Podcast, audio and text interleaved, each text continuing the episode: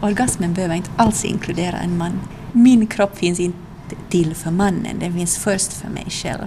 Och så ser jag på det ur en sexualrådgivningssynvinkel och jag kan också applicera det på teologi, på hur vi pratar om Gud och hur vi tar med kvinnan i, i gudsbilden, eller kvinnliga ord i gudsbilden. Jag har stämt träff med Monica Pensar Granroth på ett centralt hotell i Helsingfors en söndag eftermiddag i februari.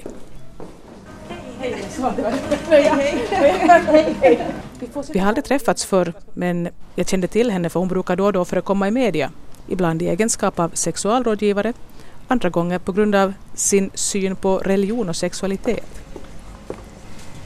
Jag är Monica Pensar Granroth och jag har rötter i Österbotten men jag bor här i Helsingfors nu sen, sen 20 år tillbaka i tiden och jag är sexualrådgivare till min lilla utbildning, grundutbildning. Men att främst så studerar jag teologi och sen till vardags så jobbar jag på dagis som kock och sen också som barnskötare på ett dagis där, där det finns barn som har specialbehov som kanske har något handikapp eller så här. Ett lugnt litet dagis. Och så är jag mamma till tre pojkar. Jag berättade för Monica att jag såg och hörde henne första gången för några år sedan under den finlandssvenska regnbågshelgen. Då var hon med i en paneldebatt. Vi kommer fram till att det måste ha varit år 2006. Alltså det var väl en paneldebatt då med eh, finlandssvenska personer som både utanför och innanför kyrkan som, som skulle ha ja, det var just tankar kyrkan, kring precis det, ja. kyrkan och ja, homosexualitet. Ja, då när du såg mig där i paneldebatten så det var nog min debut för att medverka i regnbågssammanhang. Och det var jättespännande för jag märkte att jag var kanske inte själv så mogen i vem jag är och i min egen sexuella identitet då. Jag kände mig ganska plågad liksom då av att jag upplevde att, att människor att människor tittar på mig att oj, hon är lesbisk, hon är lesbisk, hon är lesbisk. liksom att jag, jag upplevde att, att omgivningens fördomar på något sätt blev påsatta på mig och sen märkte jag att ja, men det är ju helt mina egna fördomar. Att jag har ju dem också, att blir man engagerad i regnbågsfrågor så det är ju jag själv som stämplar mig då. Oj, jag blir uppfattad som konstig. Så det måste jag göra upp med lite själv. Och, och det där, för jag är inte lesbisk, men jag är bisexuell. Men att det, det är någonting som jag har fått lära mig att vara lite rakare med på sista tiden. Men det där, ja, det, jag tror att det är en jätteviktig sak det här med, med regnbågsfrågor. Det är ju en, en gren av mänskliga rättigheter. Att varje politiker, varje minister som menar sig ha någonting att säga om, om mänskliga rättigheter och samhällsstrukturer så, där, så borde vara observant på de här liksom, regnbågsfrågorna också. Det är också en fördom att det bara är de som själva är homosexuella eller bisexuella eller transpersoner eller så här, som engagerar sig. Utan det borde vara var kvinnas och var mans sak. Vi ska gå lite bakåt i tiden så jag ber Monica berätta om var och hur hon växte upp. Alltså jag tycker att jag har haft en bra uppväxt på det sättet att ingen i min omgivning inte mina föräldrar och inte, inte miljön heller liksom någonsin har begränsat vad jag skulle ha kunnat leka att jag är. Men att, att nu hörde det till kanske att just leka att jag var sjuksköterska och då tyckte jag om att leka att jag födde barn och var gravid. Och det har jag ju också liksom verkligen engagerat mig i mycket i mitt vuxna liv också, mina egna graviditeter och så här. Men att jag växte upp liksom i ett urbant Vasa och i en familj som var fullständigt oreligiös men mycket intellektuellt medveten om olika sådana österbottniska konflikter som fördes kanske i Vasabladet. Liksom. Evolutionister mot kreationister och jag tog del av mycket kritik om, om religion och kyrka och så här och, och fick ett intresse för det själv.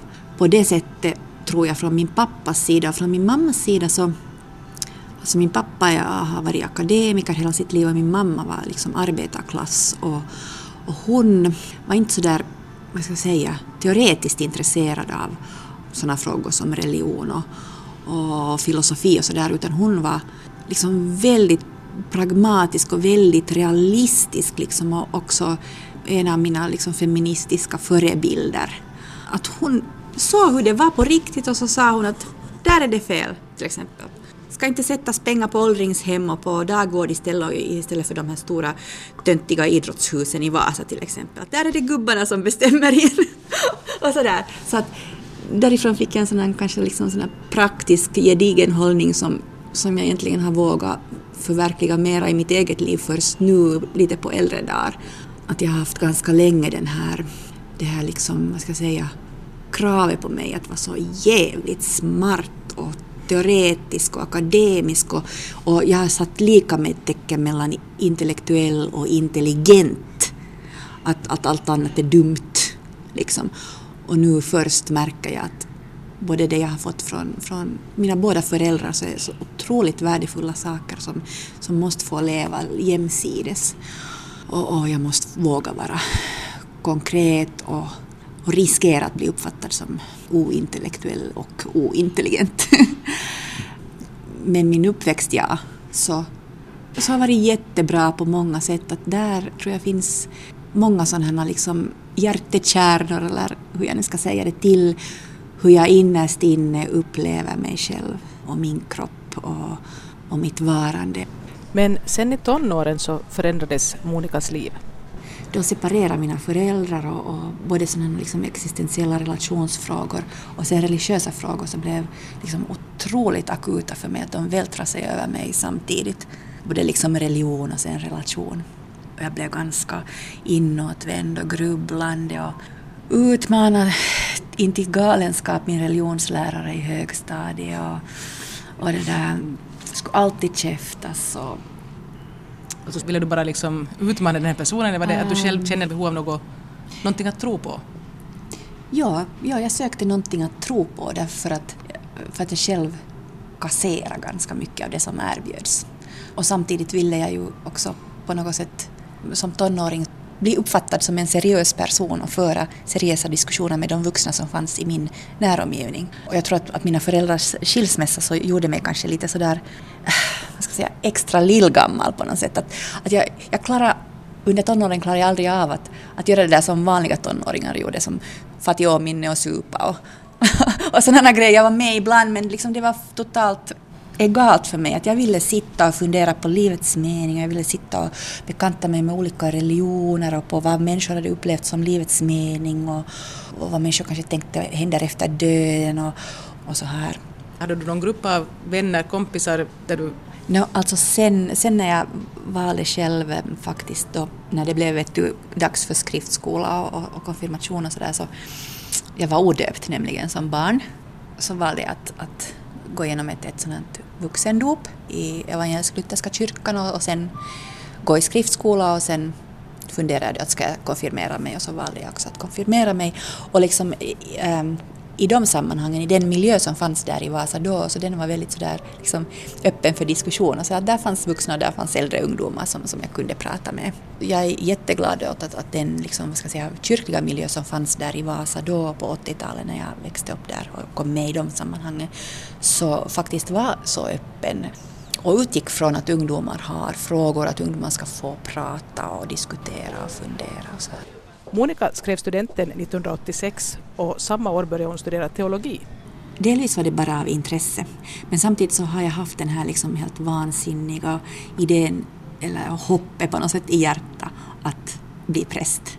Men samtidigt så, så har mina egna liksom, tankar och min egen livsåskådning så varit sån att, att jag också jag har nog alltid sagt att så länge jag inte kan säga öppet Gud, vår moder och fader i kyrkan i alla varenda sjuttonsbön som finns där, så då liksom kan jag inte jobba på en sån arbetsplats. Men samtidigt så, så tror jag också att det kan vara en möjlighet i framtiden.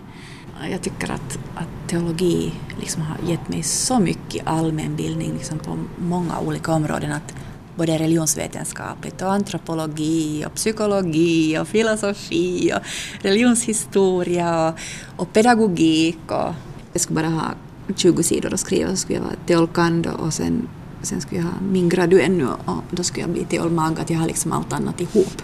Men sen, har, sen är det helt andra saker som har dragit iväg med mig liksom nu under vuxenlivet. Att det där, just det att, att jag började studera sexualrådgivning det är en sån här basexamen, den tar, tar bara ett år men man kan sen också bygga vidare på den. Monica Pensa Granroth blev sexualrådgivare år 2001. Jag frågade vad det var som fick henne in på just den banan. Sexualrådgivning kom in i mitt liv i ett sånt skede där teologi smakade inte. Och, och samtidigt så, så var jag både liksom själv i mitt personliga liv inför en jättestor kris och människor runt omkring mig krisade alldeles jätteförskräckligt i sina relationer. Och, och det här med att studera, studera sexualrådgivning så innebar för mig både ett andrum, liksom att, att vidga min egen kunskap om det allra liksom, intimaste, det allra, allra viktigaste i människors liv som kan få människor att blomma och vara lyckliga men också gå fullständigt i kras. Men, men jag ville studera det på grund av, av liksom, just för att inhämta mera kunskap för att själv kunna klara och bemästra bättre liksom, sexualfrågor och inte dabba mig, och inte göra bort mig, inte göra mig själv eller någon annan illa. Men också därför för att ehm, jag tror nog det är någonting jag har velat studera hela mitt liv.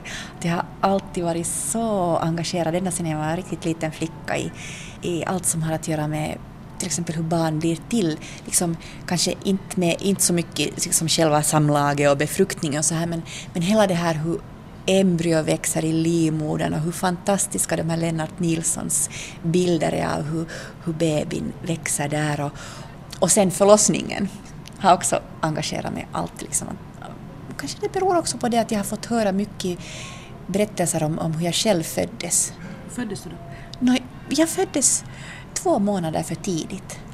Så, så där i slutet på 60-talet så, så låg jag i kuvös i, i över en månad. Jag föddes i november, jag kom hem först efter julen.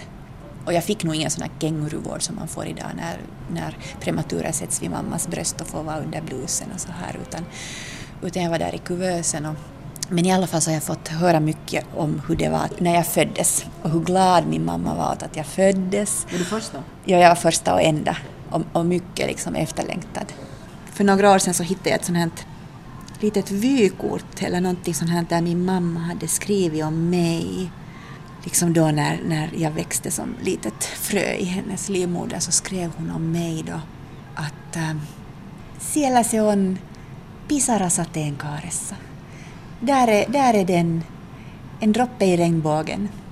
Och, och, på något sätt så nu när jag hittade nu efter liksom flera år av, av regnbågsaktiv verksamhet så upplevde jag det som på något sätt så väldigt profetiskt att, att min mamma har tänkt om mig som en droppe i regnbågen. Så, så allt det här som har spunnits kring det här så har varit på något sätt ganska ljust. Att nu först i vuxen ålder har jag också förstått och fått ta del av, av sånt liksom att, att det faktiskt var ganska jobbigt att jag föddes för tidigt och, och, och min mamma under graviditeten var rädd för att förlora mig och, och man visste inte riktigt kanske hur det skulle gå när jag, när jag var född. Och, och den här tidiga anknytningen mellan mamma och barn så var ju på något sätt och vis ganska i, i riskzonen. Men därför har jag också, tack vare min mamma, då så, så fått en väldigt sån här, vad ska jag säga, en spädbarnstid där jag blev så otroligt liksom ompysslad och pajad och, och fick massor med närhet. Liksom på något sätt för att kompensera det här med att jag var borta så länge liksom på BB och, och, och, hon inte riktigt kanske vågade heller ta hem mig så snabbt som jag skulle kunna komma hem. Att hon var osäker, hur ska hon klara av en sån här bebis som, tänk om den dör? och så här. Men samtidigt så nu, liksom, ju äldre jag blir och mera kanske medveten om mig själv som liksom fysisk person så märker jag hur stort behov jag har av att, att kompensera kanske det att jag liksom rann ut ur min mamma utan större besvär för henne för att jag var så liten, liksom i sjunde månaden istället för nionde månaden. Att, att liksom min, min längtan efter värme och närhet och kroppskontakt och, och sånt här så är liksom skriande. Att jag, jag blir helt galen om jag inte får gå i bastu till exempel. Att, uh, att bastu är någonting som och, men jag vet nog att andra har det också. liksom att bastu är så viktigt. Det är någonting som tror jag nog anknyter till den där liksom tidiga livmodersupplevelsen av att, att få vara i värme och i skydd. Och det, ja, det var min väninna som är terapeut som så klokt sen sa en gång åt mig när jag var så engagerad i, i mina tre barns förlossningar och mina graviditeter att, att det nog, hör du Monica, säkert så att, att när du själv föddes så där lite krisartat så är det jätteviktigt för dig att hur dina barn ska få födas. Och det verkar vara, it makes sense liksom mm. att Så att det här med hur min kropp får föda, så det är också sånt som har, tycker jag, att göra med, med sådana bassexualrådgivning eller sexualupplysningsfrågor. Och det har liksom att göra med kroppslighet och det har det viktigt också att göra med mig själv som sexualvarelse. Och, och sen att få studera sånt här, så, så det är ju bara helt fantastiskt. Men, men att, att sexualrådgivning är ju nog mycket mera än det, alltså studera sexualkunskap mera det än att studera embryots utveckling och förlossning alltså och kroppsintegritet utan det var också någonting precis som jag har varit nöjd med mina teologiska studier som att de vidgade något så här sexualupplysningsstudierna vidgat liksom min horisont enormt och liksom konkretiserar saker och ting. Vi kommer in på det här med vad som egentligen är sex. Behövs det alltid en annan person? Jag hörde en gång den här gamla tanten, den här, hon, den här sexgurun från Sverige, den här Maj-Britt Wallan, heter hon Bergström Wallan, hon är ju långt över 80 och, och var gift med en kyrkohistoriker och de fick en son och sen någon gång i medelåldern så sen, Eh, sen blev hon jättekär i en kvinna och, och sen har hon levt med den kvinnan i 30 år.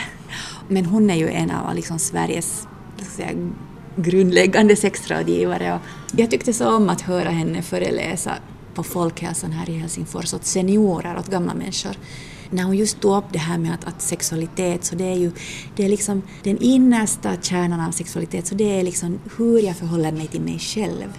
Sen först kommer det där sekundära, att hur jag sen lever ut det med andra.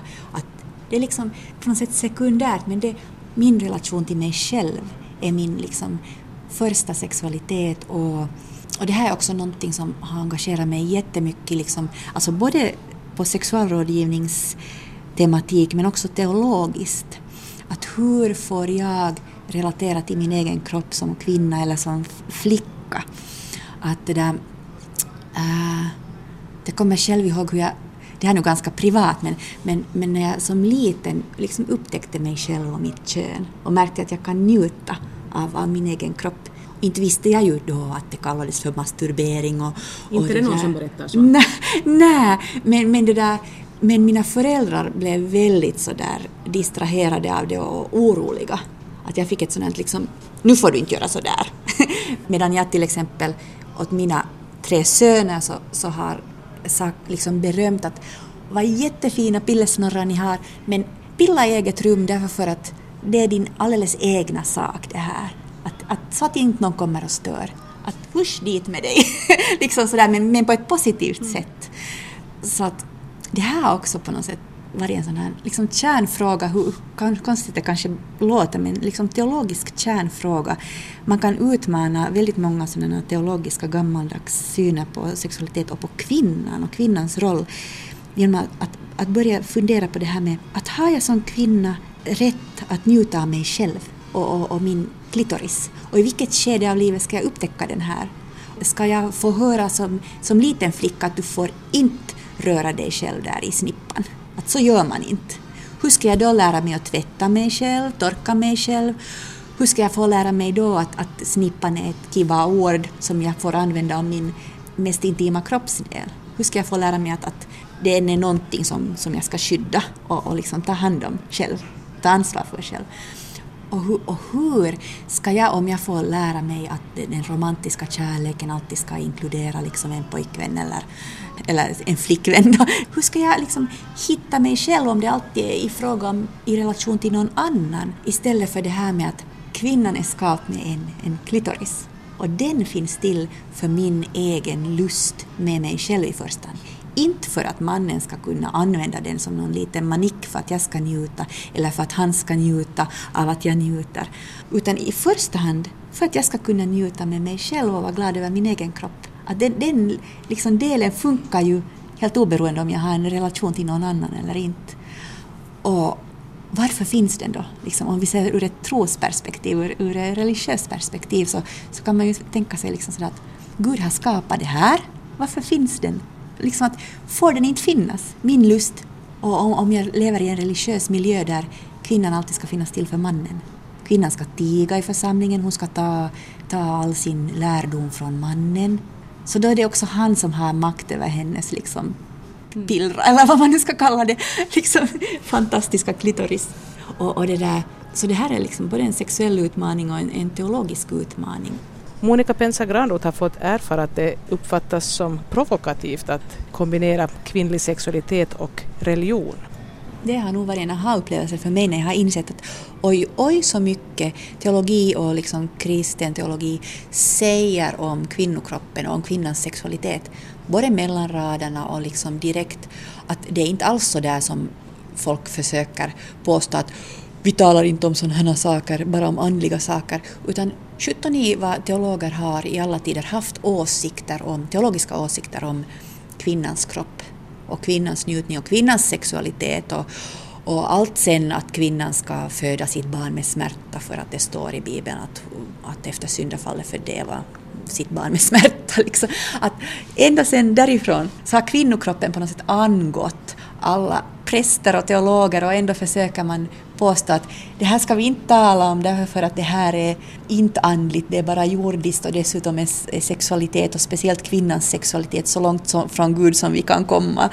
Och, och sen det att liksom ur, ett, ur en teologisk synvinkel så, så går det att sätta jättemycket positiva liksom förtecken kring kvinnors njutning och, och kvinnors sexualitet också. Om nu någon skulle iddas göra det, att det där liksom det, här, det här är en av mina favoritgrejer tycker jag som så bra liksom kombinerar, om jag får, får jag berätta om, om det där religion och, och, sexualitet, så det att, att just inom feministteologin så har man har man bökat fram just ett sådant speciellt ord som finns i Gamla Testamentet som nu präster liksom uttalar hundra gånger per dag ungefär och det är nåd. Och i Gamla Testamentet då, som är skrivet på hebreiska från början och så där så, så används det här ordet nåd Guds nåd på ett sådant sätt, det här ordet, att, att, liksom att, att dens grundbetydelse så betyder någonting väldigt fysiskt, det betyder sköte kött och kötets rörelser. Så att när man säger liksom Guds nåd vare med dig, så, så säger man om man liksom skalar ner det här ordet till grundbetydelsen att Guds kötes rörelser vare med dig det som liksom på engelska, jag har läst så mycket engelsk feministteologi så det liksom kommer på engelska men som är på engelska liksom compassion och mercy. God's mercy, God's compassion. God, God feels compassion for you. Gud har kötets rörelser för dig. Och här, så först tänker vi kanske på kötets rörelser då som ett slags födande. Och det är en ganska stort att se i en sån här liksom maskulin patriarkalisk gudsbild, den här möjligheten till att Gud föder att vår Herre, liksom, Herre Gud föder, det blir ju en androgyn Gud då, en, en liksom gubbgud som föder, så det blir jättespännande. Men också det här liksom moderliga som föder, men samtidigt att, att liksom hela liksom kristendomens kärnord, nåd, att det ska betyda kötets rörelser och att kötets rörelser också är orgasm. Liksom, och där och det här lärde jag mig hos min gynekolog som sa att Hördu Monica, jag har en bok här på mitt bord just nu, att jag har just läst att, det där, att kvinnans förlossningssammandragningar och kvinnans orgasm alltid går uppifrån och neråt, inifrån och utåt. Att det är inte alls så att, att när kvinnan orgasmerar så är det för att musklerna ska suga in säden liksom utifrån inåt, sådär slurp, slurp, slurp in en massa säd så att hon ska kunna bli befruktad. Utan egentligen så en orgasm trycker egentligen ut seden. Att, att, liksom, att den har sin egen... Liksom, att den fungerar inte så som man har velat tänka sig att orgasmen finns till för att det ska ske en bättre befruktning. Liksom att den inte bara vill ha den där seden in, utan, utan orgasmen är sin egen liksom, vad ska jag säga, muskelvåg som både har att göra med, med förlossning och med, med njutning. Och det där oss och liksom, att sen säga att Gud har skötets rörelser. Så det, det tycker jag blir så fantastiskt. För det, då kommer kvinnan med in i det där man säger om Gud via kötet. Men så kommer också det där som, som vår kristna religion många gånger har varit så rädda för, kvinnans sexualitet och kvinnans egna njutning. Inte en som finns till för mannen eller för att föda mannens barn eller, så här, eller gemensamma barn, utan den orgasmerande guden som liksom strör sin barmhärtighet och, och, över, över hela världen via en sån här otrolig njutningsorgasm, sådär bildligt talat, där liv får bli till och där vi får njuta av livet. Det är liksom också att på ett sånt ganska oerhört sätt sätta med in i gudsbilden det som är så, har varit så absolut förbjudet. Kvinnan ska inte vara där och om kvinnan ska vara där så ska hon vara där som moder och dygdig och helst som en sån här Maria som aldrig har haft sex utan bara får sitt barn utan sex med en man. Utan dit kommer också den här sexuella njutningen som inte behöver inkludera en man. Orgasmen behöver inte alls inkludera en man. Min kropp finns inte till för mannen, den finns först för mig själv. Och så ser jag på det ur en sexualrådgivningssynvinkel och jag kan också applicera det på teologi, på hur vi pratar om Gud och hur vi tar med kvinnan i, i gudsbilden, eller kvinnliga ord i gudsbilden. Uh, ja, det här tycker jag bara är så jättefantastiskt. Jag skulle prata om det hela livet. Men jag kan förstå att det finns de som låter sig provoceras av det. Ja. Vi har redan suttit och pratat i flera timmar och både Monica och jag börjar få bråttom. Men jag frågar henne om det är någonting hon skulle vilja tillägga. Alltså det har varit jätteintressant att prata för att när jag har pratat så har jag sett också själv helt klart och tydligt, mycket tydligare än, än kanske förut, att hur precis saker i mitt eget personliga liv, mina egna livserfarenheter så har fört mig till, till vad jag engagerar mig för. Verkligen, ända, ända från det där med att födas och hamna i kuvös och, och få masturbationsförbud när man är liten och föräldrarnas skilsmässa och, och en lite sån här udda pubertet på grund av det och, och det där och sen relationskriser i vuxenlivet och så här. Så, så har det liksom lett hit till, till vad jag är engagerad i nu. Och nu kommer jag själv på en sak som jag hade tänkt fråga. Monica sa i början att hon är bisexuell. Så vilket kom då före? Att hon började definiera sig på det sättet eller att hon började engagera sig i regnbågsfrågor? Uh, regnbågsengagemanget kom nog egentligen före att egentligen så, alltså jag brukar nog inte inte säga egentligen att jag är bisexuell, men jag säger nu det åt dig. för, att jag, för att jag är så snäll. Vill du jag ska ta bort det? Nej, du behöver inte ta bort det. Men, för jag tycker inte heller om definitioner, så egentligen så skulle jag nog mera vilja så här säga om mig själv att, Eh, att jag definierar inte mig. Att jag vägrar definiera mig. Men att ibland är det också bra att, att kunna säga att okej, okay, ska jag så definiera mig så, så är jag bisexuell. På, liksom på alla tänkbara plan. Att det, det går också liksom ut över det, över det sexuella och in på andra områden. När vi är nästan klara så kommer jag ihåg att Monica nämnde, före vi började banda, någonting om egna andaktsriter som hon har börjat använda sig av vid speciella tillfällen. Jag har ett sånt stort stenägg som jag har hittat ett stort, en stor rund sten som är ungefär som till storlek av ett babyhuvud som jag har målat röd. Och, och sen brukar jag ha en, en mullhög och, och placera den där röda stenen där. Och, och sen går det på olika sätt i grupp att, att öppna den här jorden och ta ut den här stenen, cirkla den i gruppen, tala om vad man kommer att tänka på när man har den, sätta den tillbaka dit eller, eller göra någonting sånt, till exempel skölja den med vatten. Och, så här. och här kommer alla de här typiska liksom, kristna elementen in som man kan få associationer till dop till exempel eller till påsken med påskägg. Men det här är det som jag liksom högst personligen så, så bygger vidare på hela tiden som jag tycker att har att göra med liksom kroppslighet och kvinnlighet och religion. På, på ett mycket enkelt sätt så visualisera någonting som vi skulle kunna klä i tusentals ord. Att man hittar någonting i jorden som är värdefullt, att man inte tittar upp dit till himlen, man hittar i jorden, man nästan som förlöser det, delar med sig av det och tar hand om det och kanske placerar det tillbaka dit och täcker över det och liksom pysslar om det lite.